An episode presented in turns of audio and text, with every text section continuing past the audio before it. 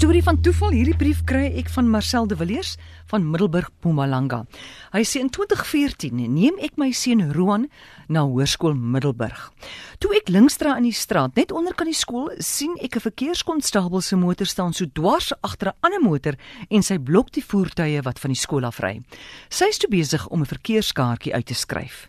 Nou dis spitstyd in Middelburg met ouers wat hulle kinders kom aflaai en nadat ek my seun afgelaai het, stop ek toe agter die spietkop en ek neem 'n foto. Dis so kwart oor 7 die oggend. 9 uur is ek by die stadstraat en terwyl ek daar is, dink ek man dat ek sommer vinnig vir hulle die die foto ook wil wys sodat hierdie persoon aangespreek kan word. Ek vra toe of ek vir Pamela Nkosi, die hoof van die verkeersafdeling kan sien. Die sekretaresse gaan vind uit en sy sê ek kan haar gou vinnig sien. Toe ek by haar kom, vertel ek eers hoe 'n trotse inwoner van Middelburg ek is en dat ons al die positiewe goed raak sien in ons dorp. Byvoorbeeld, 'n waterpyp wat op 26 Desember ge Desember gebars het, word binne 4 ure herstel. En net na Nuwejaar word die pad geteer. Parke se gras word gereeld gesny en ons het feitelik geen slaggate in Middelburg nie. En ons was nog die dorp van die jaar en nog vele meer. Goed.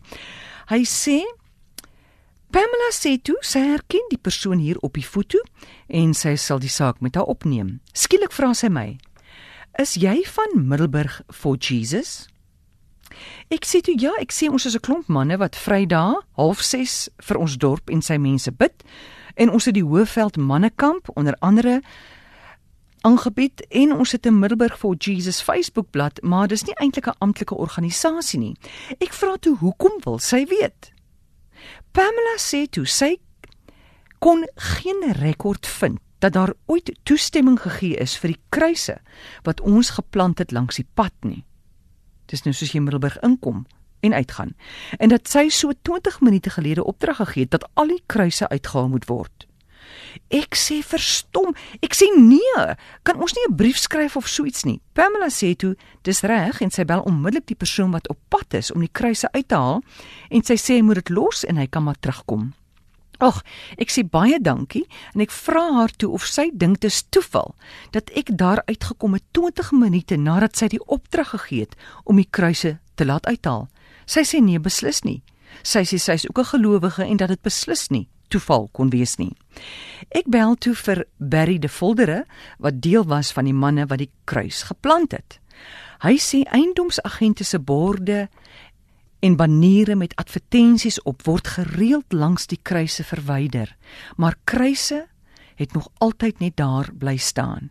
Ek maak toe somme en werk toe uit dat die kruise ongeveer 6 miljoen minute gelede geplant is en dat die Here ingegryp het 20 minute nadat 'n plan in werking gestel is om dit te laat uithaal.